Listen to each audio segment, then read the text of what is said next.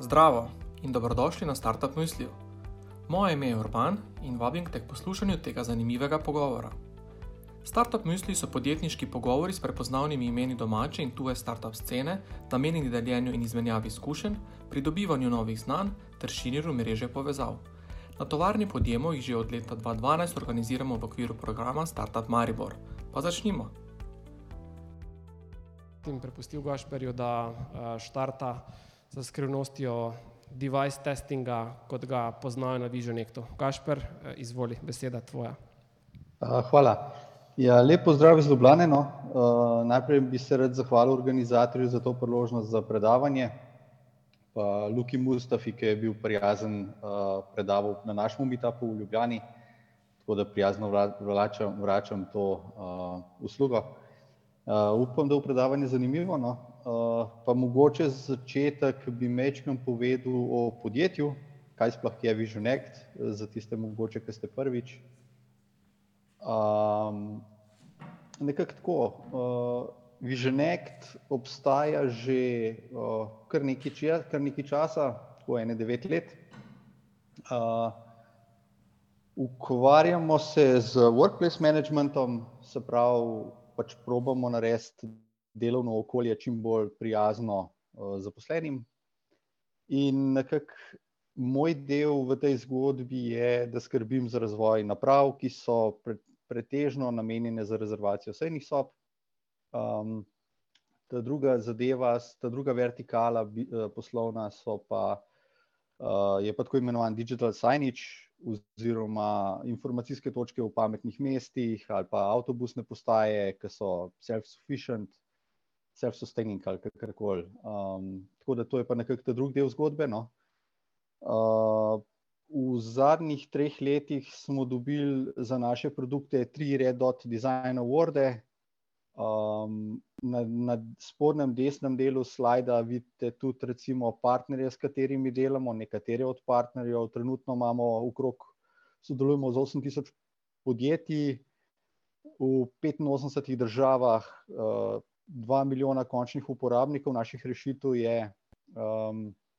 Mogoče specifika firme je, da razvijamo cel produkt v hiši iz nule, se pravi od izbire materialov, zasnova ohišja, zasnova elektronska, pol firmware, ke teče na napravi, softwarske rešitve in tako naprej. Praktično cel stack, od matic pa do clouda pa tako naprej.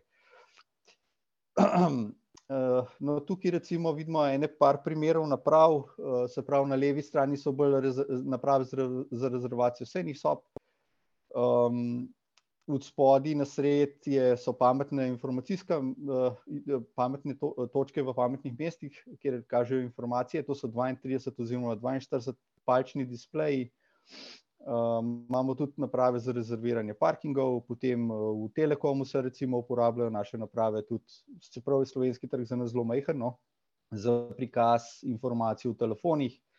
Tale ta rumeni prometni znak mogoče najbolj interesanten, ta je star že devet let, v Avstriji deployan, pa še vedno deluje nekako, kaže, kdaj bo pajek odpeljal oziroma ne bo, no. Ima preko mobilne povezave dobi informacije. Ta zadnja naprava je pa tale, ke jo je verjetno tudi Vanja prinesla sabo, je pa šestinčna naprava, kjer nekako, prikazuje zasedenost ene sobe. Tako da to je to. Približno šestdeset nas je zaposlenih, pa imamo dve podružnici, se pravi headquarters je v Ljubljani, ta druga bolj sales ekipa je pa v, neki del sales ekipe imamo pa tudi v US-u, Silicon Valley. Zdaj, če grem naprej. Kako izgleda naš sistem?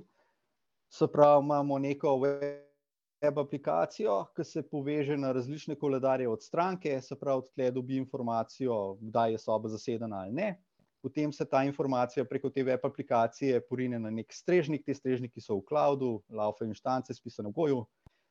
Ta strežnik je odgovoren za menedžeriranje naprav, za hendlanje specifičnega protokola, ke ga imamo z napravo, in pa pač load balancing, se pravi, predstavljajte si, da imate dvajset tisoč naprav na terenu, ke se kaj vsuje na strežniku, se vse te naprave kar naenkrat hočejo povezati in pač nekako strežnik mora to zmitigirati, da ni prevelikega loada na networku. Tudi nenazadnje na serverju samem. In potem se preko dostopne točke naše naprave povezujejo pač na ta strežnik, dobivajo podatke od kalendarja, oziroma če se bukira vse na sobo on the spot, se pač te informacije pošlje nazaj in se pač vidi tudi v uporabnikovem koledarju. Mi se bomo zdaj v prihodnjih slajdih osredotočili na to, kako testiramo te naše napravce pri nas v hiši. pa če gremo, če ni nobenega vprašanja, gremo kar naprej, če ne pa naj kdo roko dvigne pa mikrofon pol, ne. Lahko tudi sproti. okej, se pravi, naša naprava v osnovi je sestavljena iz parih kosov, se pravi, eno je ohišje, potem je noter baterija, elektronika, in pa elektronski displej, ki touch pa front light, se pravi, čelno osvetlitev, samo tiskano vezje izgleda takole. To je desetslojno HDI vezje, tako da če gremo naprej, kako pol bi to nekako testirali. mogoče si majčkeno bolj detajlno pogledamo arhitekturo tegale vezja, se pravi, imamo mikrokrmilnik, ke orkestrira nekako vse skupaj, potem imamo connectivity del, je razbit nekako na dva dela, eno je wifi pa ethernet. ethernet se preko Pogo-pinčkov, to je tele pine v vrstici, ke so, lahko poveže na PoE wall mount, kjer se tudi napaja pa dobi vse podatke. potem imamo na napravi standarden USB-C konektor, prek katerega lahko polnimo baterijo, se pravi, preko nekega battery management sistema. Potem imamo en kup enih switcherjev in pa linearnih regulatorjev, da napajamo vse skupaj, ta USB-C je nekako tudi povezan na virtualni UART, tako da v bistvu na računalniku lahko diagnosticiramo, kaj se z napravo dogaja, tudi spreminjamo parametre naprave. Ta isti vmesnik, se pravi, če temu tako rečem, command line interface oziroma ukazna vrstica na napravi je virtualizirana tudi preko Bluetooth low energyja, se pravi preko brezžične povezave, da se da isto narediti preko mobilnega telefona z neko posebno aplikacijo. Potem imamo, kar nekaj storagea, se pravi, imamo gor QSPI flash, za hraniti kakšne slike, fonte in podobne zadeve, EPROM-ček, SD-RAM spomin, ke hrani noter frame buffer, se pravi tisto, ke je prikazano na displeju, pa tudi pač še določene druge zadeve. Potem imamo pa display sekcijo, kjer imamo gor, čip, ke skrbi za napajanje EPD-displeja, ke ima zelo specifične napajalne napetosti, timing controller, se pravi, to je nekako čip, ki skrbi za izris na samem displeju, in pa temperaturni senzor, ki je potreben zaradi načina, kako elektronski papir deluje, da dobimo pravilen izris, seveda je pa pol še touch čez, čez ta elektronski papir. Zdaj, na osnovi te slike nekako vidimo, da te komponente, posamezno čipovje, ki je gor, je z množico različnih vodil povezano na, na, na mikrokrmilnik in tudi medsebojno. In nekako ideja je, ko dobiš neki frišen produkt v hišo, da vse te stvari stestiraš, a pravilno delujejo ali ne, tako da samo vezje pač je sorazmerno kompleksno. zdaj, mogoče eno vprašanje pa, kar za tistega, ki ima mikrofon v roki, kako mislite, kdaj se začne testiranje v bistvu? Kdaj je ta prvi korak v testiranju? Kdaj se začne o testiranju razmišljati? Bom jaz tukaj mojemu kolegu na levi, po moje ima kako idejo. Okej. Zdravo. Ja, to je že treba razmišljati v bistvu med procesom razvoja, ne. Tam se že to začne. Izbira komponent pa potem naprej shema, PCB dizajn in tako naprej, no. Tako, tako, bravo, točno to, točno to, ne. In takrat se tudi razmišlja o opremi, ki je potrebna za to testiranje, ne. Zdaj, pri nas testiranje nekako razbijemo v štiri faze. Eno je testiranje prototipov, se pravi, ko dobimo vroče plate še na mizo od proizvajalca, da ugotovimo, a stvari špilajo tako, kakor smo si zadali ali ne. ta druga faza potem nekako je certifikacija, bom pojasnil, zakaj. potem ta tretja faza so produkcijski testi, se pravi, ko začnemo nekako, ko potrdimo, da je produkt primeren za masovno, trženje, ga v produkciji pač vsak batch posebej testiramo, da ne pošiljamo stranki kaj nedelujočega, in ta zadnje je RMA-testiranje, se pravi, kakšne naprave na terenu dežujejo šoke, okvare, jih dobimo nazaj v hišo in pač tule se spet neka druga faza testiranja dogaja.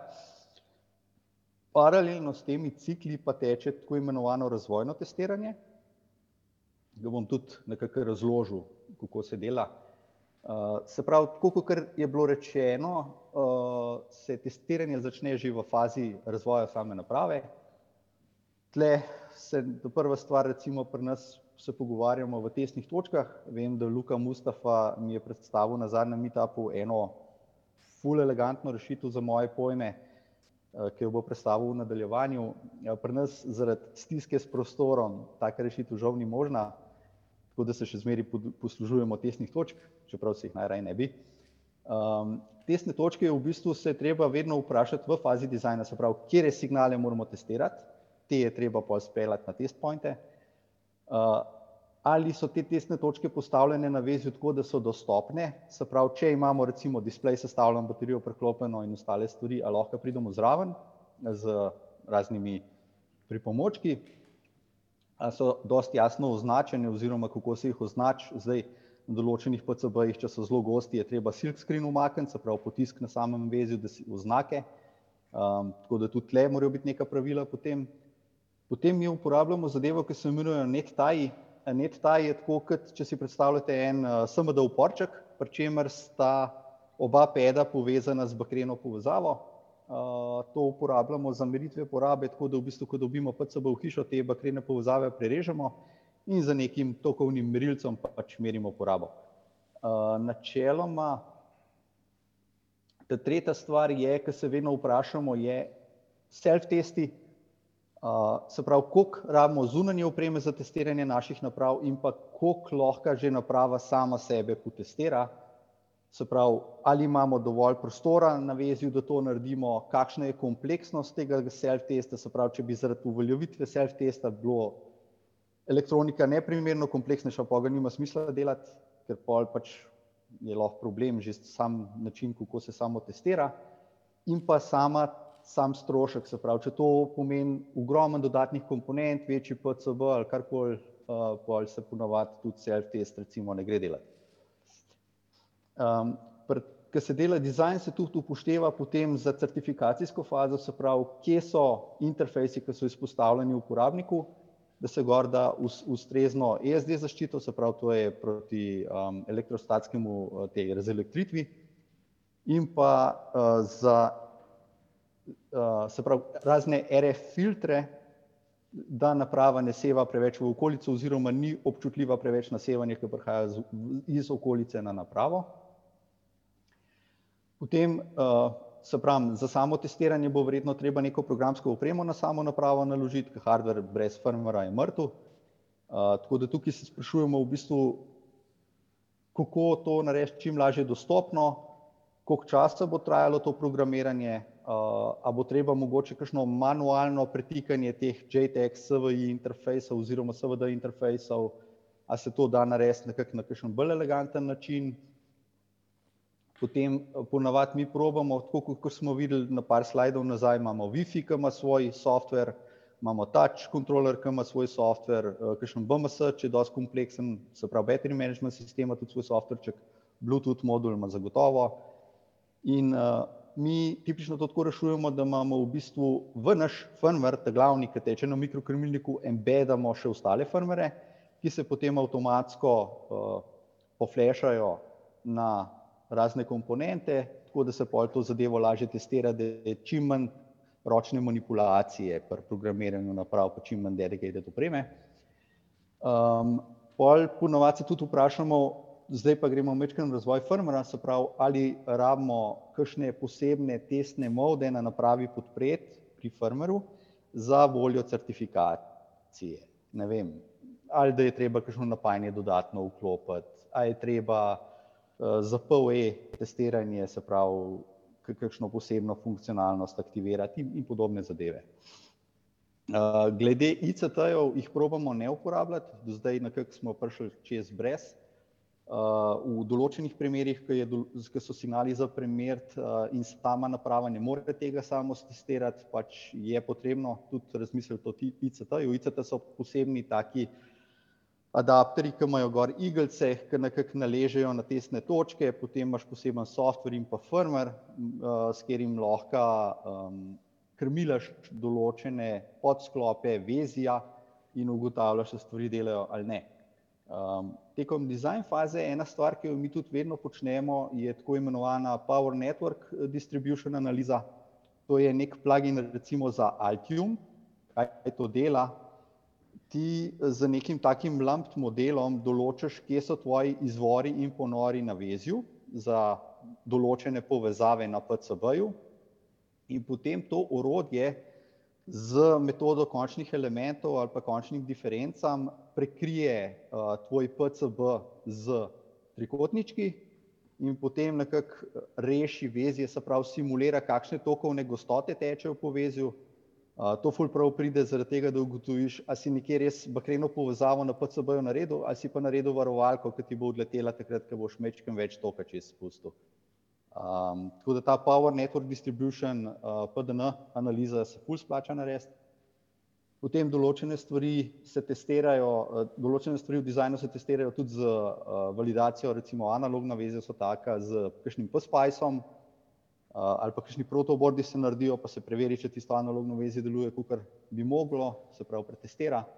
In pa tudi uh, dogaja se cross review iz scheme layouta. To je nekako tako. En inženir nariše, drug inženir testira in pa se pač ta zgodba zarotira, da se pokrije napake. Uh, veze so kar kompleksne, tako pač imajo tam par, par, par sto, par tisoč uh, komponent in se hitro zgodi kakšen mistake. Tako da testiranje v bistvu je tudi to cross-check oziroma cross-validacija scheme Paleota. Um, zdaj, če gremo naprej, prva faza je manualno testiranje. To se uporablja, tako kot sem rekel, za plate, ki pridejo frišno iz produkcije ali pa za um, tiste naprave, ki so bile na terenu ukvarjene. Uh, tle se dogaja funkcijska validacija določenih podsklopov vezja z standardno merilno opremo, se pravi osciloskop, multimeter, uh, logični analizator, če je potrebno, karkoli. Um, ena stvar, ki se je pri nas izkazala za zelo, zelo dobro, je, da nekako vsakič naredimo nek testni plan, po katerem je treba vezje testirati in ta testni plan za vsako iteracijo produkta dograjujemo, tako da na koncu pridemo do nekega testnega postopka, ki je v bistvu zelo, zelo dovršen in zelo, zelo malo defektov pride na teren. Ponavadi po drugem spinu, ki ga naredimo, ker če prvi spin šel čez brez težav, pomeni, da je nekaj hudo narobe. Um, ponavadi s tem funkcionalnim testom zvalidiramo in to je to. Uh, kakšni so tukaj koraki? Prvo je uh, optična inšpekcija, se pravi, ko dobimo vezje uh, z mikroskopom, pogledamo zadeve. Zdaj, če je vezje kompleksno, če so kakšni BGI ali pa kakšne uh, kakšni stekane, stekani bordi, kjer se ne vidi povezav. V tem primeru prob, pro, probamo tudi proizvajalca prositi za kakšen X-ray, če je potrebno. Uh, potem se zgodi uh, programiranje naprave uh, preko nekega posebnega umestnika, ki ga bom kasneje predstavil. In potem se dejansko dogaja funkcionalno testiranje vezi preko tega command line interfejsa, se pravi, reče se, ne vem, zdaj mi pa vklopi display, pa se pogleda, če so napajalne napetosti v redu, pa tako naprej. Um, se pravi, gledamo, ali so napajalne napetosti v mejah, kjer bi mogli biti, ali je kakšen ripple gor, se pravi, ali te napetosti pod obremenitvijo začnejo kaj brenčati, da je kakšen switcher poddimenzioniran. Ugotavljamo drup, ne, to ni tajpo, drup pomeni upad napetosti zaradi zunanje obremenitve, to tipično z osciloskopom gledamo. Um, potem gledamo meritev uporabe uh, posameznih komponent, uh, se pravi preko NetTile. Zdaj ena stvar tukaj, mogoče, zakaj uporabljamo te NetTile, pa zakaj gledamo uh, meritev uporabe, oziroma tudi likič je taka zadeva, ki je zelo sitna kaj se zgodi. Recimo, da imamo, kot je slika na desni strani, imamo mikrokrmilnik, WiFi modul, neko SPI povezavo in kar delamo low power naprave, pač mi dejansko fizično z tranzistorjem izklopimo napajanje WiFi modula. Zdaj, kaj se lahko zgodi? SPI linije imajo ponavadi kakšne pula popore, ker so aktivno nizke, se pravi v neaktivnem stanju so visoke. in če te linije niso prav zinicializirane, oziroma če je v hardwareu pač tisti pull-up fizičen, pa ni poskrbljen, da se ga odklopi, um, pride do tega, da preko SPI vodila, se pravi preko chip select linije, prihaja napajanje noter v Wi-Fi modul preko njegovih zaščitnih diod, preko ESD zaščitnih diod na vseh linijah, se nekako modul pol na pol napaja, načeloma ne delujejo take stvari s takim napajanjem, ampak um, ker je pull-up upor dosti visok, po upornosti. Eh, se pa dogaja to, da nam neželjen tok teče noter v komponento. Komponenta mogla biti ugasnjena, v resnici pa zaradi preko signalnih linij nek tok žre noter. Uh, ta zadeva se tudi zelo pogosto pojavlja na kakšnem I2C vodilu, kjer je več čipov in če en čip odgasneš, ker moš imeti polape zaradi ostalih čipov prisotne, um, lahko noter kakšen tok teče. To, to je ena stvar, ki je treba biti pazljiv.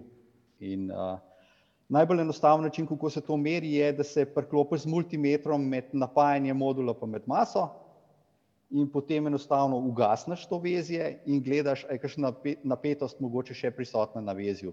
Če je, pa pomeni, da prihaja do tega likiča. Ne, ne rabiš neke posebne opreme, prek test pointov se da to ugotoviti. Um, druga stvar, ki je pa tudi problematična, je pa tako imenovan inrush current. Uh, zdaj, vsak ve, da te čipi, ki jih uporabljamo v elektroniki, rabijo zraven neke blokirne oziroma dekapling kondenzatorje.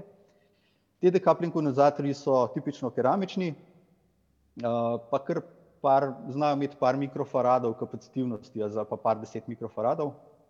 In takrat, ko se napajanje preklop, dan, dan današnji MOSFETi so zelo, zelo hitri, uh, lahko steče noter v ta kondenzator zelo, zelo velik tok ta tok zna biti uh, par amperov ali pa še več.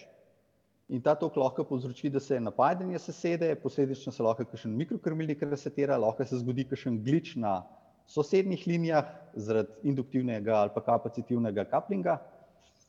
In uh, imamo ponovno težave. Tako da v bistvu je treba poskrbeti, da to vezje, ki vklapa modul, da ima pač ustrezno slov start vezje in to zadevo validiramo z meritvijo tega inrush current measurementa. Uh, tukaj imamo nek tokovni logrček, kjer v bistvu je kot neke vrste osciloskop, samo da meri tok, pri čemer pač naredimo pol vklop te komponente in gledamo pač, koliko toka steče v napravo oziroma v net taj. Um, potem pri manualnem testiranju tudi, tudi pregledujemo, koliko je signal strength, se pravi, koliko dob, ali smo kaj mogočega uh, posračkali, ker smo delali antenski del na samem, na samem brežičnem modulu, če je to bilo potrebno. Tako da damo v bistvu napravo na neko standardno razdaljo od dostopne točke, ugasnemo avtomatsko regulacijo moči na napravi pa na dostopni točki in pol merimo, koliko je signal strength uh, opažen strani naprave in na ta način pač ugotavljamo, a je zadeva v redu ali ne. Ker se nam je že v preteklosti zgodilo, da smo kakšen ground plane pozabili umakniti pod anteno in je bil signal strength zelo, zelo žalosten. Um, potem ta druga stvar, ki jo tudi vedno počnemo, so pa stability testi. To pa pomeni, da napravo standardno povežemo na strežnik in pustimo, uh, da se čez pretakajo podatki. In potem na strežniku, ker tako infrastrukturo pač imamo, nam to omogoča, da gledamo, koliko je bilo diskonektov na napravi, koliko je bilo rebootov, uh, koliko je bilo kakšnih protokol errorjev. Na ta način ugotavljamo, v bistvu, ali so mogoče kakšne hibe skrite v, samem, um, v sami elektroniki, oziroma na najslabšem primeru, če recimo naprava čus po enem tednu, ker čudežno pol neha delovati ali pa kakšne take fore. Um, stvar, ki jo tudi naredimo, so termalne meritve. Uh, se pravi, če imamo neko, neko napravo, jo polno obremenimo in potem z infrardečo kamero preverjamo, če je PDN analiza uh, povedala pravilne rezultate oziroma ne. Se pravi, kje je kakšen sklop, se greje ali ne, ali smo kaj, kaj podimenzionirali, karkoli podobnega. No. Tako da to je nekako manualno testiranje. Naslednja stvar je certifikacija. Certifikacija tipično dela kvalificirana inštitucija, se pravi, v tem primeru za nas to največkrat naredi ESQ. Zakaj to delamo? Um, ena stvar, pomrnesta glavna, recimo, je, uh, mi uporabljamo liti polimer baterije. Zdaj, če ste malo spremljali medije, uh, Samsung Galaxy Note 7, e, ali je to komu kaj znano? To so bili tisti telefoni, ki si ga imel v žepu, pa ti je kar naenkrat začel goreti. Ne. To definitivno nočeš, da se pri stranki zgodi. Um, in en od ključnih razlogov, zakaj delamo certifikacijo, je pač customer safety. Ta druga stvar je, če naprave pošiljaš preko distribucijskih kanalov, uh, potem tipično distributerji zahtevajo certifikacijsko dokumentacijo, da ščitijo svoje skladišče in sploh ne kupijo, odkupijo naprav, če tega nimaš urejenega. Uh, ta, ta tretja stvar je pa v določene države moraš priložiti certifikacijsko dokumentacijo, če ne sploh ne more zadeva čez carino. Uh, tako da to je pa nekak tretji razlog, zakaj jo je potrebno narediti. Zdaj certifikacija ni pocen, to je ponavadi pač več tisoč evrov. Uh, mi tipično delamo elektromagnetno kompatibilnost uh, plus kakšne nacionalne devijacije, če so potrebne. Če gre recimo na Japonsko, je treba posebej poskrbeti, če gre na, Jap na Japonsko spet, Indija ima spet svoje regulative. Um, ta druga stvar je preverjanje električne varnosti, kjer se v bistvu pre, preveri, ali je v hiši dosti debelo, se pravi, če se z, z, v hiši zakuri, na kakšen način preneha goreti ali mogoče naprava postane vroča, pa gre to nad dovoljeno temperaturo, če se naprava pade po tleh, kaj se pol zgodi, take, take teste delajo. In pa testiranje varnosti baterije, kjer se na bateriji dela razne kratke stike, proba se jo preveč polniti s previsoko napetostjo in pač mora baterijska zaščita to ustrezno poskrbeti, da eh, litijeva celica ne zgori. Kar se tiče same certifikacije, na sveti, ki jih imam, se pravi, nekako za razvoj, kaj ponavadi pomaga. Eh, eno je, da se predvidi RF filtre in pa ESD zaščito na vseh ekspozivnih umestnikih. Se pravi, če imate karkoli ven iz ohišja štali, mora imeti ESD zaščito, uh, karkoli, tudi če so kakšni pini ali kaj takega, morajo imeti tudi pač ustrezen RF filtering, se pravi, kakšni feriti in tako naprej. Um, ta druga stvar je, fajn je zdizajnirati ta prvi spin PCB -ja tako, da ima določene komponente gor, ki so not placed, ki omogočajo pa še kakšne tvike pri EMC meritvah. Um, mi že pri prvem spinu, ki ga naredimo, gremo na SEQ in naredimo preliminarne EMC teste, ki koštajo, mislim, da malo več kot 200 evrov na uro. Uh, zato, da vidimo, ali zadeva bo šla čez ali ne. Najslabša stvar, ki se vam lahko zgodi, je, da ste šli čez polno certifikacijo, ki bo treba plačati, in na zadnjem testu zadeva pade. Um, tako da ja. Uh, in ta tretja, ta zadnja stvar, ki bi, bi pa tudi uh, ful priporočil, je, če se le da uporabljate precertificirane brežične module. Certifikacija brežičnih modulov traja par mesecev, košta spet več tisoč evrov, eh, ne pokrije vseh nacionalnih devijacij. Se pravi, če certificirate modul recimo za Evropo, pa imate lahko pri Ameriki že izziv, če boste šli še naprej, kakšno Japonsko, eh, kakšno Kanado, pač vse te zadeve so tipično problematične. Pri modulu, ki pa košta, če ga kupite, ki je že precertificiran, kakšnih 12 dolarjev, karkoli imate pa že vse te preglavice rešene. Tako da uh, fajn je tudi pogledati, ali je modul za tiste specifične države, kamor želite lifrati produkt, ven že certificiran. Zdaj, primer recimo, kako se dogaja EMC testiranje, da je v komoro zadevo na določeno razdaljo od antene, uh, tista komora ima noter fritne ploščice, tako da absorbira kakršno koli elektromagnetno valovanje in pa se gleda, ali naprava sposobna prenesti določene motne, ki jih inicira ta antena, oziroma ali naša naprava seva preveč. No, ta del ali naša naprava seva preveč je najbolj problematičen ponovadi pri EMC meritvah in če dobite takle graf, kjer je pod rdečo črto horizontalna, vertikalno uh, spektr, uh, horizontalne, vertikalne polarizacije meritve signala, uh, pa ste zmagali. Če pa ne, um, je pa verjetno še kar nekaj investicije, pa kar nekaj ene, enih, enih testov potrebnih, da pridete skozi. No. Um, Ker ta graf vidiš, si, si, si en najbolj srečen človek na svetu, če se s hardverom ukvarjaš, pa si šel na certifikacijo. Če gremo še naprej. Zdaj smo prišli pa nekako, se pravi, produkt imamo certificiran, vemo, da prototipi špilajo in pa imamo pa produkcijsko testiranje.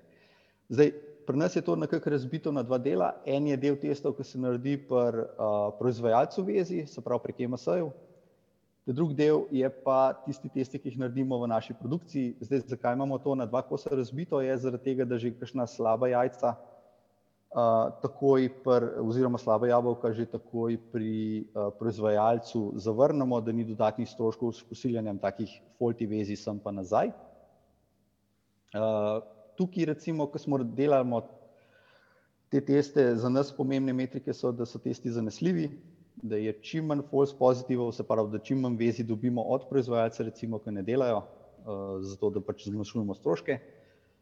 Uh, zelo važno je, kako hitro se ti testi izvedejo, zaradi tega, ker MS proizvajalci vsako uro uh, računajo in te ure niso tako poceni. Um, in tudi, kako hitro uspemo testirati nek, neko vezje, nam tudi uh, definira, koliko je, koliko devajcev na dan lahko sestavimo. Um, stvar, ki jo trebno tudi tukaj razmisliti, je, ali naš testni sistem omogoča možnost paralelizacije. Se pravi, če pride povečano število naročil, a mi lahko ta testni setup dosti hiter in dosti enostavno paraleliziramo, brez da pač neke bistvene stroške povečujemo. Poskušamo zmanjšati kakršni koli manualno delo, zaradi tega, ker pač to je spet dodaten strošek po proizvajalcu MSA, pa tudi dodaten razlog je lahko za napake.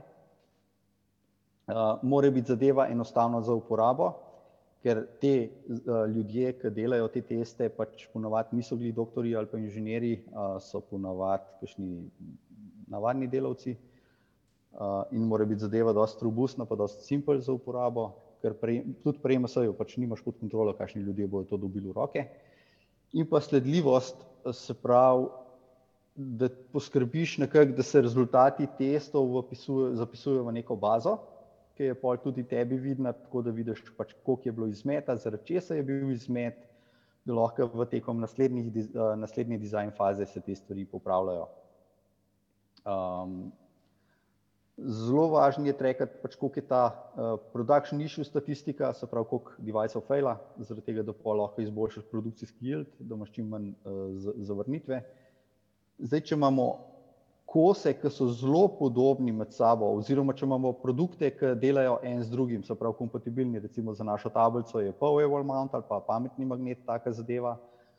Uh, ena ful dobra fora, brez da delamo posebno opremo samo za tablico razvijati, pa posebno opremo samo za uh, magnet recimo razvijati ali pa POE, je, da se uporabi en potrjen delujoč vzorc magneta, in se s tem testira potem vse tablice in obratno. Prav, to so tako imenovani golden sampli, da ne rabiš dedicated testne opreme. Pač, Mečkam pač paraš, kaj testiraš z opremo, ki si jo že naredil. In pa um, najbolj pomembnejša stvar mogoče je pa, da se isti ta testni framework uporablja in za v razvoju in za produkcijsko testiranje. Ker na ta način ti lahko že od prvega dneva, ko snuješ produkt, pač pišeš testne case za testni framework, in potem nek subset teh testov uporabiš direkt v produkciji, ker razvoj dela s temi testi pomeni, da jih tudi vzdržuje, je v bistvu dvojen del narejen v šusu. Eh, kako to pri nas zgleda, se pravi, mi imamo tipično nek PC, nek workstation, ki laufa ta avtomatski testni sistem, ki ga bom v prihodnosti predstavil, pa imamo nek poseben 20-voltni kabel, imenujemo, prek katerega lahko flashamo mikrokrmilnik preko internega bootloaderja, ki je ena mikrokrmilniku, Potem imamo povezavo z Ethernetom na neki Raspberry Pi za testiranje RSS-ja na BLE-ju, se pravi na Bluetoothu, in pa neko wireless dostopno točko, ki ti testira pač eh, brežično povezavo Wi-Fi. Eh, vsi te, vsi te rezultati testa se potem eh, logirajo na PC-u, se pač požene, uporabnika vodi čez postopek in na koncu rezultati upišejo v bazo, ki jo imamo na voljo pač tudi mi, da vidimo, kaj se je dogajalo. Um, Tako da to je nekako produkcijsko testiranje na, na grobo. No. Zdaj, če si pogledamo avtomatski testni sistem, se pravi, to je nekako srž, kako smo mi avtomatizirali teste, pa zakaj smo jih tudi avtomatizirali. Um, se pravi, razvili smo nek custom sistem za testiranje firmwarea, posledično tudi hardvera. Uh, ta glavni motivator je bil, na naši napravi se nekako zgodi s trenutnim testnim sistemom na dan od 300 do 500 testov na napravo. Trenutno vzdržujemo aktivno 24 naprav.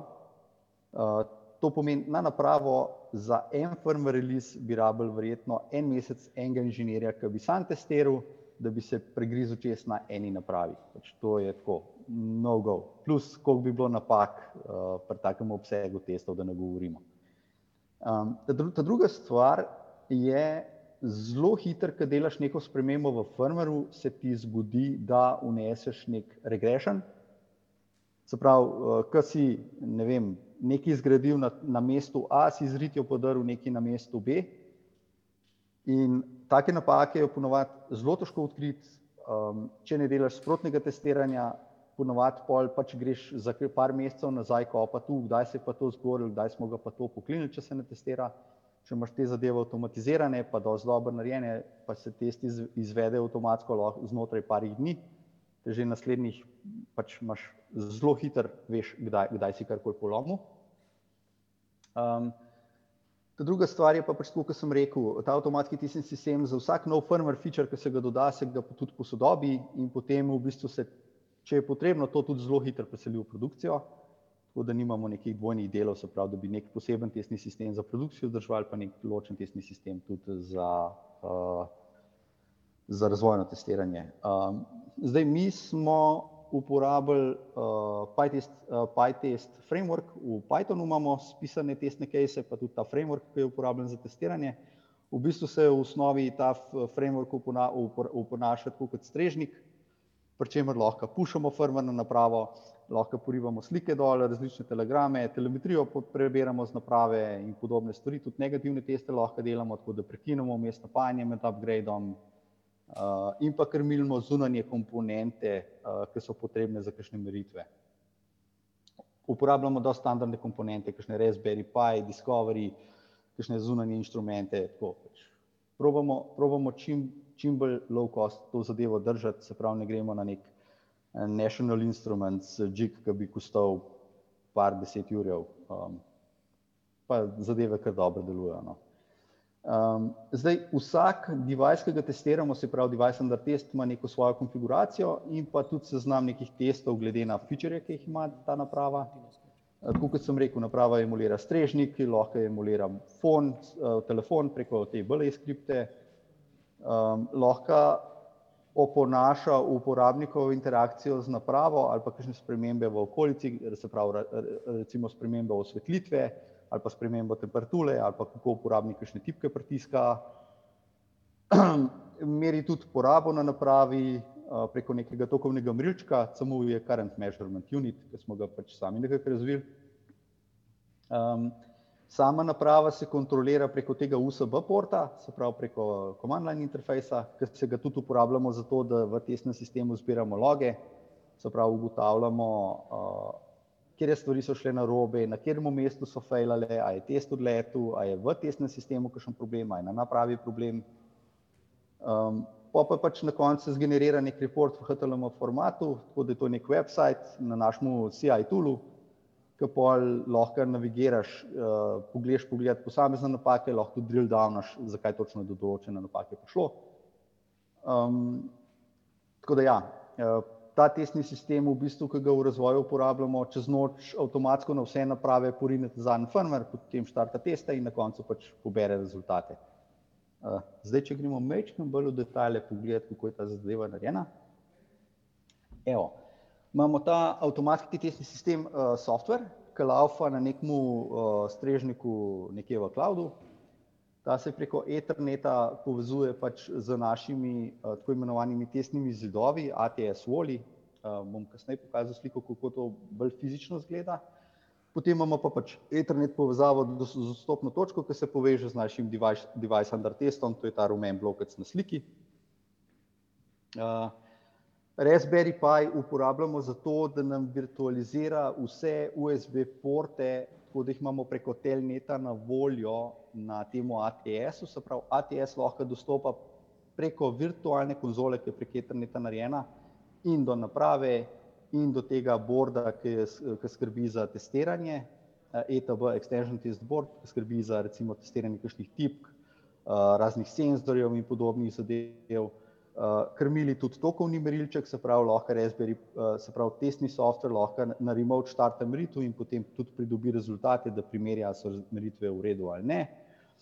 Uh, lahko tudi preko določenih relejev odklopi ali pa preklopi napajanje na napravi, tako da pogledamo, a se naprava pol, recimo, uh, delamo negativne teste v smislu štartamo firmware upgrade, pa prekinemo napajanje ali pa pošljemo nek telegram, pa prekinemo napajanje uh, in podobne zadeve. Uh, preko tega konzole na napravi pač krmilimo sam potek, uh, kaj naj naprava naredi za specifičen test. Opcijska je tudi Ethernet povezava do same naprave, kjer v bistvu podobno kot preko Wi-Fi-ja, tudi preko Etherneta lahko po uradni poti, če temu tako rečem, komuniciramo z napravo. Zdaj v praksi to takole zgleda. To sta recimo dva tesna zidova, gor, so gor je priklopljeno na naprav, Uh, Tele imamo USB hube, tako da se napaja, naprave lahko napajajo. Tale bela plošča, ki je na desni sliki na sredini, lahko tokovni merilec, uh, ki ga sicer na tej sliki ni, dol nižje postavljen, sprehaja med različnimi napravami, tako da lahko na vsaki napravi merimo porabo, lahko odklopi konzolo na napravi, tako da gledamo tudi, ali pa odklop baterijo, tako da gledamo, se naprava polne ali ne, ali pa jo pač power cyclamo. V osnovi je to nukleo board, pa piggyback board je narejen z, z fotomosi, zaradi tega, da ne uporabljamo klasičnih relejev, ki bi se čez čas ukvarjali, da preklapljamo pa odklapljamo fizične te zadeve. To je recimo za klasične tablice. Za te enote, ki so pa v zuni postavljene, je pa zadeva, to je pa na levi strani, kjer imaš displej preklopljen na našo elektroniko, to je ta velika plošča, podolgovata od spodaj, ki je prek štirih FlexTailov preklopljena na displej. Uh, isto je od spodaj Raspberry Pi in pa uh, tale uh, plošča, ki ima modro lučko pod našo ploščo, je pa Extension Test Board. To je pa nekak uh, Discovery Board, se pravi klasičen evaluation board, ki ima gor nek poseben firmware, s katero lahko emulira različne temperaturne senzorje, lahko preko DA konverterjev simulira ambient light intensity, um, preko GPU-jev lahko simulira pritiske uporabnikov, uporabnikovih tipk, um, potem lahko preko input capture-ja lahko meri PVM signal za osvetlitev displeja, ta, ta plošča ima na levi strani neke bele konektorčke, ki lahko šofirajo ledice preko PVM-ja. In uh, skratka, prek te ploščice nekako lahko um, vse te zadeve spreminjamo, monitoriramo. Mogoče ena kul cool zadevca je, uh, kako simuliramo temperaturne senzorje. Zdaj, mi imamo tipično nek zunani senzor ali LM75, ki je preko I2C vodila preklopljen na bele konektorje na napravo, ko je naprava na terenu. V tem primeru smo pa naredili I2C slave na uh, temu Discovery boardu, na temu Elevation boardu in ta naš I2C slave se lahko obnaša kot delujoči ali pa ne delujoči temperaturen senzor in lahko delamo simula, se pravi, simuliramo, kot da je temperatura zelo visoka, zelo nizka in pol ugotavljamo določene robne pogoje, če stvari delajo, kot morajo. Um, recimo to za na konc bi še predstavil, kako zgleda en tak report testnega sistema, se pravi, tipično imamo seznam naprav, ki so se testirale, njihovi unikatni ID, kjer tip povezave se uporablja za testiranje, se pravi, testiramo, naprave imajo več povezav, eno imajo Wi-Fi, Ethernet, mobilno. In uh, tle napišemo, kjer tip se testira, kakšne so bile firmware verzije za connectivity tipe, MAC adresa, kjera verzija aplikacije in pa bootloader je bila, kjer display gor priklopljen. In, opa, in pa imamo pa tukaj le eno množico testov, za, to, za vsako to napravo, ker gledamo, ali je test sploh se izvedel, recimo določene naprave potrebujejo določenih testov, ali so testi bili uspešni ali ne. Neka podoben subset tega se tudi beleži v podatkovno bazo za teste, ki jih dela naša produkcija, se pravi, da trekamo neke zadeve. In v osnovi je to nekako to. Evo. Um, a so mogoče kakšno vprašanja? Ok, bom poprašal, kakšno vprašanje? Ja, spoštovani kolega, eh, jaz bom res apeliral na vas eno vprašanje. Eh, v zadnjem delu ste omenili ETS, eh, nek sistem, ki nekako potem tudi ima interena določene situacije in pa entitete, ki so povezane na vašo programsko rešitev. Dajte mi povedati, kako ste vi prilagodili vse vmesnike, nekako, ki nekako potem tudi ponazorijo informacije o tem, ali je status neke naprave v aktivnem položaju ali pa v negativnem položaju. Ste to naprimer naredili kot individualni razvijalec ali ste to v bistvu uh, importirali? Hvala. Uh, v, v, ja, dobro vprašanje.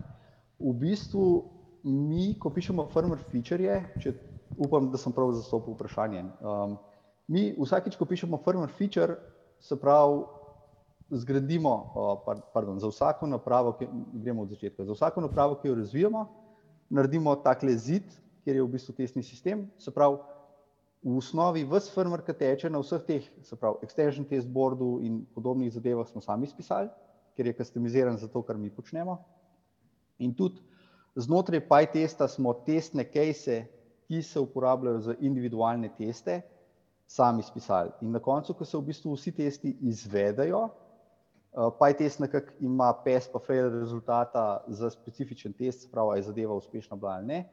Ko se testi zaključijo, se na osnovi tega zgenerira HTML dokument in ta HTML dokument se potem samo publiša preko CI toola, ki se prikaže na websajtu. Uh, tako da v bistvu cel proces je avtomatiziran, je pa tako, da pač, ja, vse testne case pišemo sami in tudi ta testni sistem vzdržujemo sami, um, če je bilo to vprašanje. No. Cool, yeah. Hvala. Še kako vprašanje?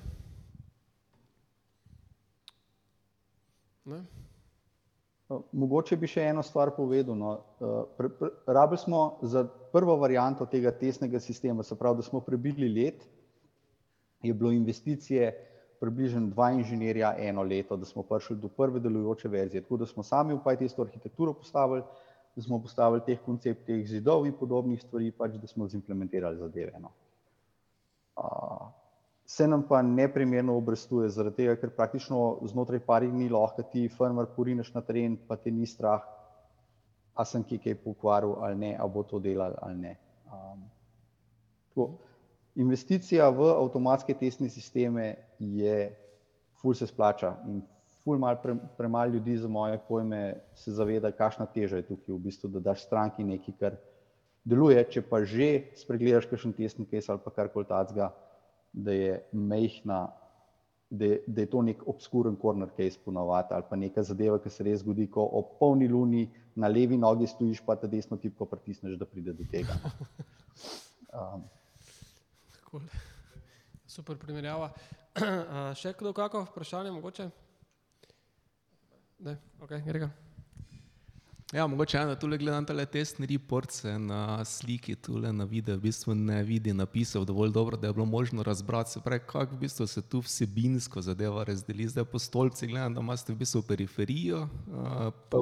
V bistvu po stolpcih so nekako, ta zgornji je tip naprave, pol imamo, vsak stolpec je tip uh, povezave, ki jo uporabljamo, ker ena naprava recimo, ne vem, ima lahko več tipov povezave na levi, se pravi, vrstice so pa individualni testni case. Se pravi, da veš točno na, recimo, ne vem, na outdoor enoti, revizija 3.1.0, uh, hardveru je test za, uh, ali mogoče slab primer, no, je za upgrade, čas se je podaljšal nad dovoljeno mejo in pač vemo, da tle neki na performancah smo ga poklinili. Lahko so tudi flaky testi, zaradi tega, ker Wi-Fi povezava ni 100-odstotna, uh, tako da je treba jeti pač pol čez pogledati te strane, te, ki so failali, ampak v osnovi recimo tako. Ja. To pomeni, da vrstice so v bistvu neki scenariji, v katerih Vrst... se naprava lahko znajde. Okay. Tako, vrstice so tesni scenariji, ki se zgodijo. Recimo, vem, prva vrstica je, da se aplikacija nadgradi. Druga vrstica je, da se nadgradi um, ta zadnja veljavna aplikacija, se pravi, ta zadnja aplikacija, ki je na terenu. Pol, nasled, recimo, ta tretja vrstica je, da se, četrta vrstica je, da se nadgradi firmware na WiFi modulu ne? in podobne zadeve. Pač S tem, da pol gre, da se meri, koliko časa rabi naprava, da se vzpostavi povezavo s strežnikom, pa se meri, recimo, koliko časa se upgrade bootloader, koliko časa se upgrade firmware, koliko časa se zadeva zaganja. en kup enih stvari, pa pridemo do umritev toka, pridemo do a, a, a različni tipi izrisa gre v redu skozi. Pač praktično vse živo, kar se človek spomne. No. Probamo čim več pokriti. Si zastavljate, tu vezano na neke fiksne meje, ne vem, recimo tok mora biti od 900 mAh do 1100 mAh, ali gre se tu na kakšne uh, variante, da mora biti več kot nekaj, ali pa kaj v tem smislu si računate? Ja, uh, ponavad, ponavad fiksne meje ne funkcionirajo dobro, zaradi tega, ker je pač to so analogna, analogni signali, ki v zoom bo mečkem bolj vroče, pa bo kakšna zadeva mal zadriftala. Tako da ponovadi vzamemo neko povprečno vrednost, ki smo jo določili tekom uh, faze ročnega vživljanja prototipa. Uh, takrat tudi preverimo, ali so, vse, se pravi, so vsi tokovi znotraj tega, kar data še specificira za individualne komponente, pa pa vsote. In postavimo, da je nekako določen procent odstopanja v plus ali pa v minus od željene vrednosti, če temu tako rečem. Na ta način postavimo tipično pragove. Ali pa rečemo, ne vem, Če je upgrade failov, bomo naredili še tri poskuse, v primeru, da je bil wireless flake, če, če še v tem primeru faila, pa pa je dejansko test case failed in je treba pogledati, kaj je narobe. Super. Še kako vprašanje? Kaj še prijatelj z veseljem, kaj je zastavil, kakšno vprašanje, ampak v bistvu čisto nič, eh, v bistvu nisem razumel to zadnjo, zadnjo 40 minut, pač eh, vseeno sem diplomant ekonomsko-poslovne fakultete, tako da vzameš, vzameš to v obzir, um, ne kot slavo. Ampak super, Gašper, hvala lepa za to predstavitev, en aplaus prosim iz, uh, moja, iz Maribora. Najlepša hvala. Um, hvala še enkrat, da si se nam pridružil, kljub uh, ne najboljšemu stanju. Um, zdaj um, pri klopu se bo Luka tukaj v Mariboru, tebi se iskreno zahvaljujemo in si seveda več kot uh, dobrodošel, da se tudi kadarkoli v prihodnje oglasiš na, uh, na pivo tukaj v Kiplo, gotovo bomo hardverske mitape še uh, gostili, tako da hvala ti za enkrat, pa uh, se poslavljamo tukaj iz Maribora. Hvala, hvala z veseljem. Hvala z veseljem. Lepo zdrav sem. Enako, adijo. Super. Izvoli. Super. Hvala lepa. Pozdravljeni še v mojem imenu.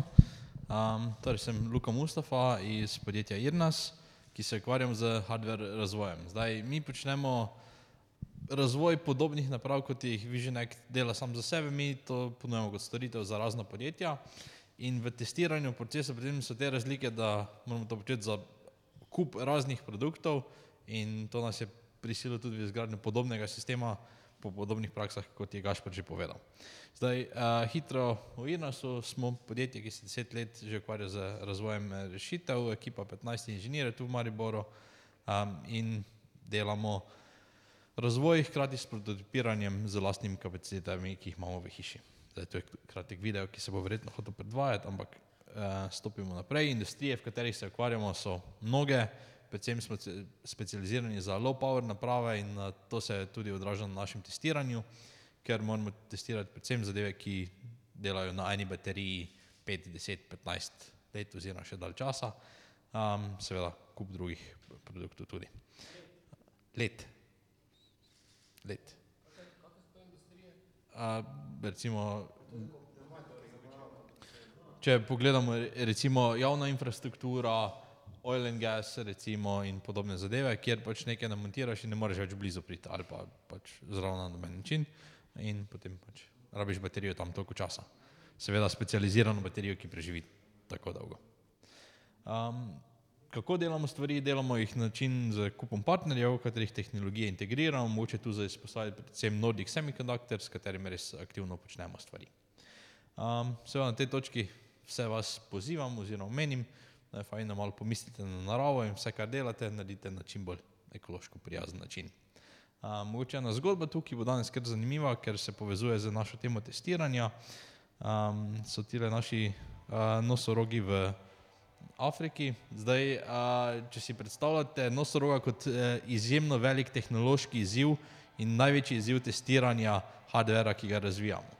Torej, uh, pač v nosoroga vgradimo dobesedno IoT tracker oziroma napravo in to zdaj moramo testirati temu primerno, da bo preživela uh, na samem terenu in v samem nosorogu. Zdaj seveda vemo, da pač štajerski nosorogi ne obstajajo in pač nimamo tu nobenega blizu, kjer bi lahko stvar porobali. Um, in res pač ne moreš si privoščiti ravno napak, da stvar ne bi delala uh, na terenu, ker pač gre za življenje zelo ogrožene živali. Uh, in danes bomo uporabili ta tracker nosoroga kot primer projekta, evo, ki ga lahko testiramo. Zdaj, enako velja za vse industrijske projekte, za neke stvari, ki se proizvajajo v deset oziroma sto tisočih eh, komadov, recimo primer tule enega trakerja, ki se recimo za ovce uporablja na norveškem, kjer deset tisoči ovc se prosto sprehajajo okoli in pač morajo kmeti vedeti, kje so recimo.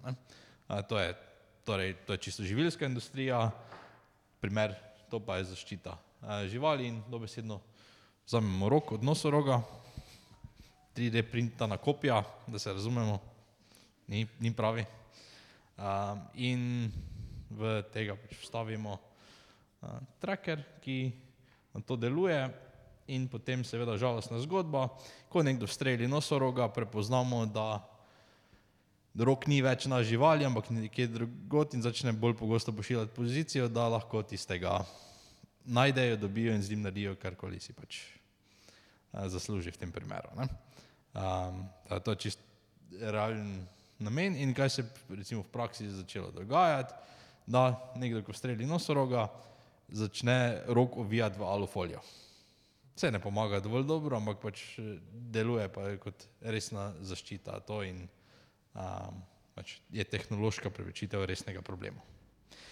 Um, torej, sami produkti, če gledamo, kaj so trackerji raznih velikosti, zdaj tale, ki ga bomo danes uporabljali, je tale 50 mm um, in bo dober primer testiranja produktov, kako se tega lotimo v embedded rešitvi. Torej, sam kos hardvera, o katerem bomo govorili o testiranju, ima gor Bluetooth, LoRa komunikacijo, low power GPS in high precision GPS, nekaj spomina, akselerometer, kup anten in sposoben poganjati eh, torej, ML modele, torej za strojno učenje lahko prepoznavamo razne dogodke eh, s to napravo. Um, in s tem pristopom nadaljujemo s konceptom, ki mu mi rečemo production testing from day one. Torej, že prvi dan razvoja želimo začeti pisati teste in želimo pripravljati produkcijski način testiranja a, samih rešitev. Ker pogosto se zgodi, oziroma pogosto vidimo, da v raznih industrijah se pač celoten produkt razvije, pa pa reče, ok, jutri ga bomo proizvajali. Brez vseh testov, brez vseh postopkov, brez vsega in tam nastane največja težava. Opa, to je. Torej, če pogledamo eno tako zgodbo, pravljico, bere se kot pravljica, so pa to resni primeri iz industrije. Pogumna firma naredi produkt, ga proizvede, verjame, da ljudje se ne motijo, da se stroji ne motijo, da uspešno to prodajo in dejansko prodajo nekaj deset tisoč naprav na teren, potem pa se težave začnejo, kjer imajo nekaj desetprocentni izpad produktov oziroma število vračil, kjer začnejo zgodbe močno, močno finančno boleti. In to nam ravno pove, enako kot je Gašper rekel, investicija v testiranje je velika, ampak se izplača. Predvsem zato, ker zmanjšamo naše riziko nekaj, nekaj krat v celotnem procesu. Um, torej, dober koncept oziroma način razmišljanja, kako gledamo na sam produkt oziroma na funkcije produkta, je, da predvidimo, če funkcija ni avtomatsko oziroma če ni vsakič testirana, potem ne deluje. Torej, predvidevaj, da stvar ne deluje, dokler nisi potrdil, da je funkcionalna. Torej, razviješ novo funkcijo, preveriš v razvoju, če deluje, um, daš produkt na teren in potem vidiš, da stvari so nehale delovati. Kaj zdaj, kako naprej? Torej, vedno želimo ugotoviti, ali nekaj deluje na enem produktu, ali deluje na prav vseh produktih, ki smo jih proizvedli, ali dodajanje nove funkcije uniči kaj starega, oziroma že kaj delovalo, pa potem nehalo, to je, to je regression testing. Um, in recimo primer, naredimo 10 tisoč naprav, želimo, da so vse iste, oziroma vse deluje na enak način um, in si želimo zagotoviti, da ne bo šlo nič narobe. Se pa moramo v tem procesu zavedati, da ta proces je izjemno težek. To je res težko je zagotavljati eh, kvaliteto. Kot je Gašpor povedal, na roko testirati en tak produkt za vsako novo verzijo firmware oziroma vsako novo verzijo hardvera, je dober mesec dela testiranja na roko po nekem seznamu, kjer človek, ki to počne, sovraži svoje življenje in si želi, da tega ne bi počel, kar pomeni, da bo to naredil zelo, zelo slabo. Seveda, zdaj, če zadevo zautomatiziramo, je ta enomesečni čas lahko samo čez noč, lahko je deset minut, lahko je čez potek ene ure oziroma nekaj minut. Um, torej tu lahko pogledamo en zelo softverski pristop, zdaj ne vem, koliko vas je iz bolj software sveta, mogoče vam so CI, CD pipeline poznani, torej continuous integration, continuous deployment, software to ful lepo funkcionira. Pač daš zadevo na GitHub, tam se neke skripte lahko poženejo, če deluje, gre dalje, se deploye na server, vsi so srečni. Ne? Pri hardveru lahko delamo prav enako zadevo, samo mnogo težje je to implementirati.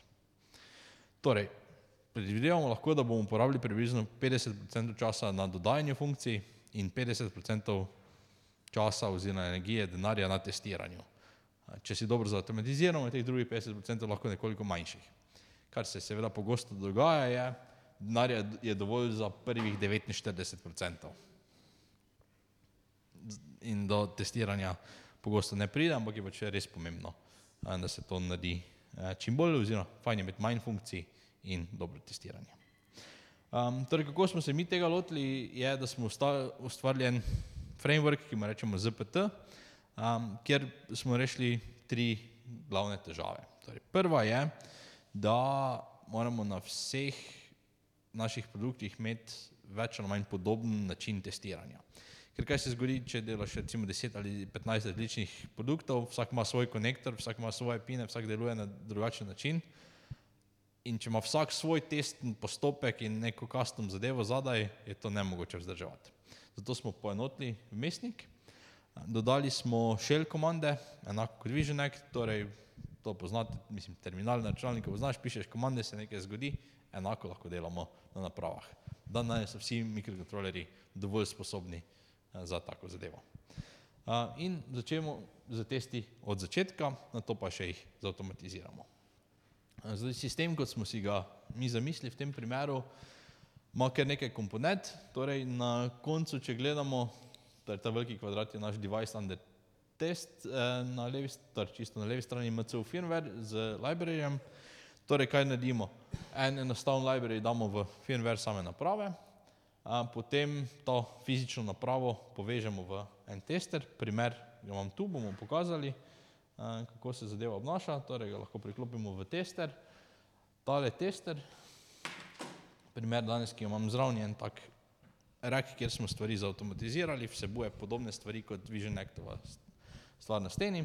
Tukaj imamo stran A in B, um, torej, če si predstavljate, to pa še tako gor. Um, tale test track avtomatizira reke, torej poganja nek software, tudi v Pythonu napisano, kjer uh, požene vse teste, zraven lahko imamo še printerje, skenerje uh, in display, da vidimo zadeve, kako potekajo. Potem pa se to pogovarja z cloud delom, ki komunicira z vse, vso ostalo periferijo, nam da rezultate testov. Zdaj to lahko postavimo v firmo, ki proizvaja elektroniko ali pa na našo mizo. Najboljša kombinacija je, da je enaka naprava prav vse posod. Torej v produkciji elektronike, pri developerju na mizi, zato da lahko prvič oboji skupaj sodeluje in že v času razvoja, da se upravlja. Torej, to v osnovi ne sme biti nekaj, kar privlečeš iz omare šele, ko hočeš delati prvih tisoč kosov, ampak začneš z prvim prototipom, z prvo verzijo tiskanega vezja in prvi test je blink LED diode. Sliši se relativno neumno, ampak to je prvi test, ki ga napišeš. Daš vezje not, vidiš, ok, blinka, gremo dalje. Tu, tu se začne celotna zgodba. Primeri, torej v Shellu, recimo to je primer testa te naprave. Zakaj Shell? Ker je uporaben za strojno komunikacijo in ker je uporaben za ročno uporabo. Torej prvič, ko nekaj testiraš, napišeš test, ga na roko sprobaš. Napišeš recimo test led, imamo tam test led, specify color in the argument, torej napišeš led R, pa rdeča lučka pobrinka zelo enostavno. Imaš vse ostale teste, ki so seveda mnogo bolj eh, komplicirani in dodajaš po potrebi, ampak to nam da na voljo vse, kar eh, potrebujemo. Ne? Eh, torej, testne funkcije so vsaj z naše strani zastavljene tako, da želimo preizkusiti vse digitalne komponente na vezijo. Torej, če gledamo v šelo nazaj, recimo, tu imamo akselerometer gor, ACC prvi test za akselerometer, ki nam pove vrednosti, deluje ali ne. Recimo naslednji je baterija. Zmerimo napetost baterije, torej preverimo, da lahko naprava sama svojo baterijo primerno meri. Um, BT scan recimo skenira Bluetooth in podobno. Um, zdaj te zadeve lahko seveda avtomatiziramo, torej testo ne poganjamo samo ročno, teste lahko poganjamo vsak večer, vsako noč za vsakim novim firmwareom, za vsako malo spremembo, ki jo naredimo, lahko vse teste na novo poženemo. In ta del je ravno pomemben, zato ker ko pokvariš eno zadevo, poveš, da si tisto zadevo tisti dan pokvaril. Na sportnem primeru, ko vidiš tri mesece kasneje, ena od 170 sprememb je zadeva pokvarila, loterija. Ja, in pač koplješ nazaj in koplješ nazaj. Uh, predvsem pomembno je, testiraš tudi, če se nič ni spremenilo. In če imaš en tak testni hardware postavljen, zdaj porablja par vatov energije, ni hudo, ne? imamo en solar panel, ki to napaja, pa zadeva najlaufa. Posebno nobenega razloga ni, da imamo opremo na voljo, ki stoji izklopljena in testira. Mogoče bo test failal šele petstotič, ko ga poženeš. Ali primer, recimo naprava neha delovati po dvainštirideset dnevih na terenu. Povsem realen primer. Torej, preden uh, skočimo naprej, mogoče lahko probamo en enostaven demo, če bo to delovalo, saj demo ti v živo, ponovadi niso. Tako enostavno, ja, če tole primeš malo, lepo prosim. Evo. Torej, uh, zdaj za uporabo v razvoju imamo čisto en mali bordek narejen, ki je pač interfejs, programator uh, J-Link za ta board. Um, torej, priklopimo interfejs uh, skupaj, evo, damo v USB in ker seveda imam, takle, dajmo na vrh kablo, ker seveda imam Windows računalnik, zato ki ni primeren najbolj za razvoj, bomo probali malo sreče. Ja, to tudi ni najbolj, ne. Um, evo, poglejmo recimo loger.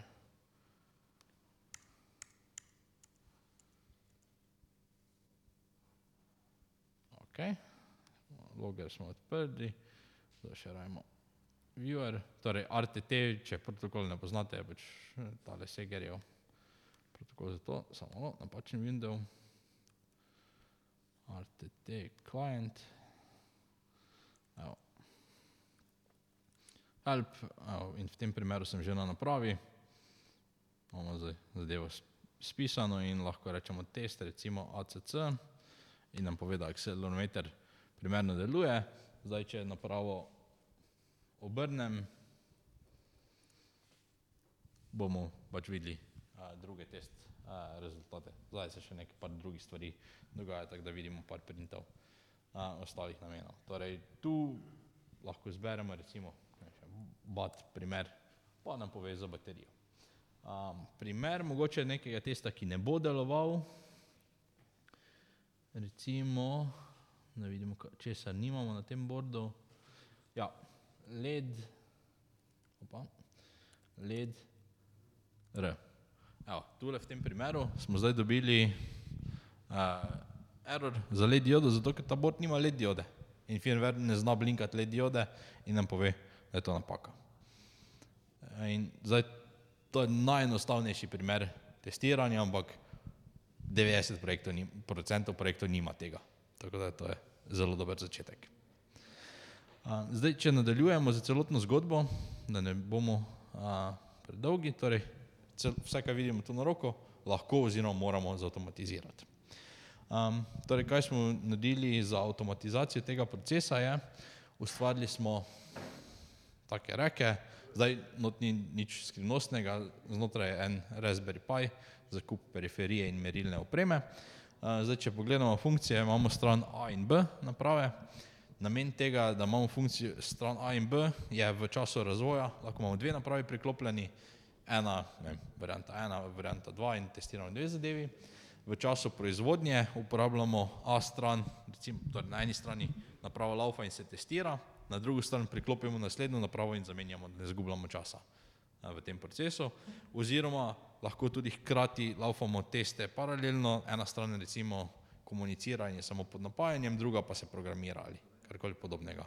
Um, tako da to lahko kar lepo funkcionira. Uh, sprednji del so eni izmenljivi konektorji, uh, katerim rečemo ti board edge konektorji, uh, zato da uh, jih lahko zamenjamo oziroma spremenjajo interfejse med posameznimi um, boardi. Znotraj je programator, power measurement, uh, Bluetooth in Wi-Fi komunikacija sta not, da lahko z napravami komuniciramo. Zadeva ima tudi display output, bomo preklopili pa pokazali, ker je to predvsem koristno v času produkcije, postaviš v firmo, ki proizvaja elektroniko, preklopijo display, vidijo, stvari laufajo in uh, vse skupaj um, je pač uporabno. Zdaj za bolj napredne projekte ta celoten sprednji panel se lahko modificira, tako da lahko tudi samo načelno ploščo projekta oziroma reka za projekt zamenjamo, če je potrebno. Zaenkrat default verzija produkta pokriva 10-15 različnih produktov za različne stranke, ki jih eh, trenutno eh, izvajamo. Eh, primeri še teh sprednjih interfejsov, torej odločili smo se za uporabo, če je le možno, teh board edge konektorjev, ki jih vidimo tu. To nam da 20 pinov, 10 na vsaki strani tiskanega vezja, omogoča debeline od 1 do 1,6 mm, da lahko pokrijemo večino standardne elektronike. In to je konektor, ki nastane nič na samem tiskanem vezju. Pač vezje stane enako, zadeva je relativno mala, seveda ne paše na vse zadeve, ampak preprosto stroška nimamo za pripravo nekih pogopinov, testne naprave oziroma česar koli drugega in prav vsak v procesu jo lahko priklopi ali v rack ali v programator board a, in pač se znebimo vseh težav, žic, jumper kablov in pač vseh sumljivih zadev, a, ki nas bolijo. A, druge opcije, ki so, so recimo ti tech connecti za manj pinov oziroma če nimamo prostora, ali pa nekaj čisto po meri, lahko to priklopimo tudi na pogojik, ki se pač zapre na navezje in ga poveže. Težava je, nek pogojik pač par tisoč evrov postimo na tistem setupu, kar pomeni, da developer ga ne more imeti na mizi, pa produkcija ga ne more imeti na mizi istega. In to nam ravno rešuje ta problem. Um, tako da zaenkrat se je s tem zelo dobro obneslo. Uh, recimo pri, imamo primere produktov s tem načinom testiranja in konektorjem, v nekaj sto tisoč kosih, ki so šli čez produkcijo tako brez nekih večjih težav. Vse, kar moramo narediti, je ta board edge konektor, torej na tesni napravi zamenjamo na par tisoč kosov, ampak to je pač dva evra borda, potrošni material, vrži stran zamenjaj in greš naprej. Demo čas, tako da še te malo prosim za asistenco. Torej, gremo v vrsti, zdaj bomo vzeli rak. Tak, bomo vzeli rek, HDMI povezavo.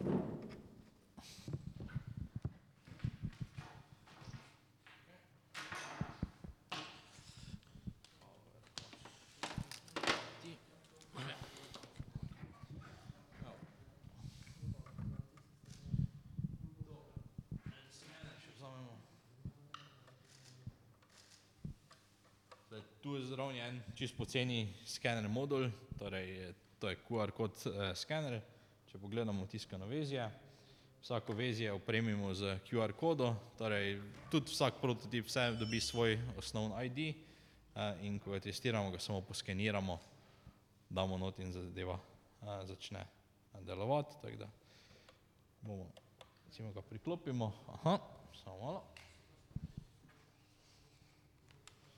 Okay, torej, primer tega reka, tu imamo kar desktop verzijo, tu imamo za štiri različne produkte, recimo na njem pripravljene, zdaj bomo delali tega nosoroga, ja, počakamo. Sekundo, da se zadeva. Zžene, malo, malo bo pojamralo, ker je offline, e, namreč pojamra zaradi offline zadeve, zato ker ne more pošiljati e, meritev in loga v naš server, kjer vidimo, vsak produkt je bil kadarkoli testiran, karkoli se zgodi z njim. Torej. E, kako kak zdaj ti veš, uh, kateri ta kos hardvera se je vtaknil not? A, zdaj ga bomo skenirali. Torej, Evo, start scanning piše, torej tu imamo skener, ne? z skenerom ga poskeniramo. Um, tako da, evo, tole.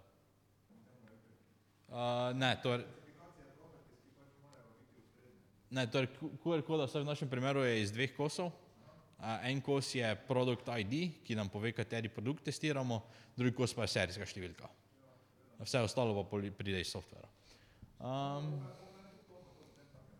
uh, lahko je offline, sej tudi offline je baza, pol pa se sinka. Aha, evo, gumb sem zaobr pritisniti. Torej skeniramo, potrdimo, da smo zadevo dali sem not. Uh, evo, in zdaj se test uh, začenja, torej, kar se bo zgodilo. Lepa.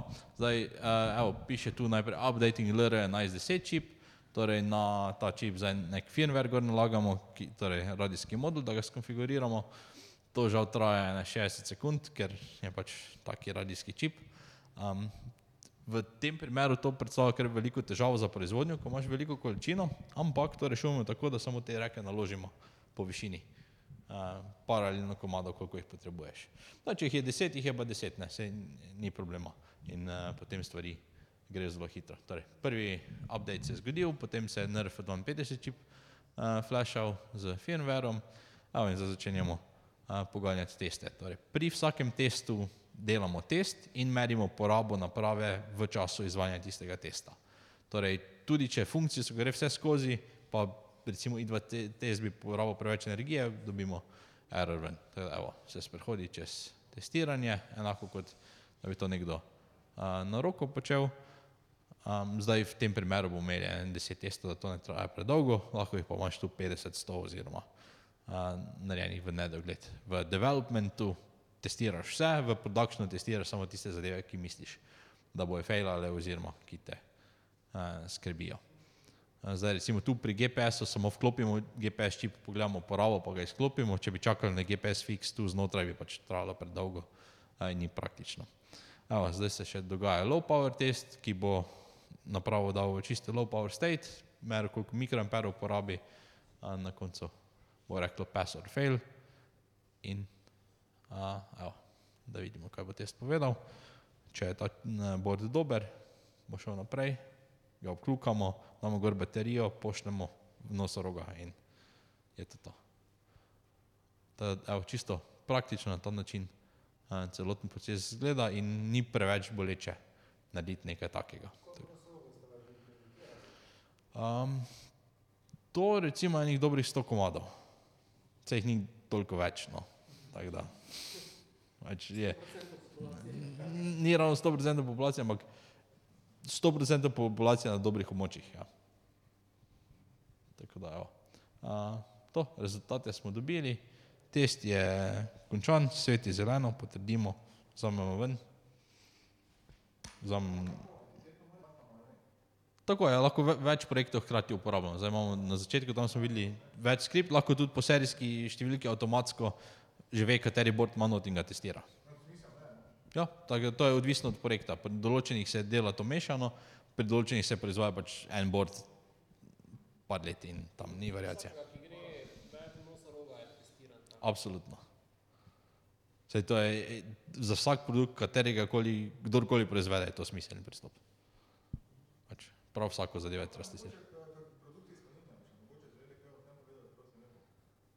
Produkcijska linija za to je pač eno od večjih podjetij, ki sestavlja elektroniko. To je pač eno od naših partnerjev, izvaja zadeve. Ta rek, en je pri nas v pisarni, nekaj jih je pri njih v proizvodnji in pač preprosto sestavijo borde, jih dajo not in je to to.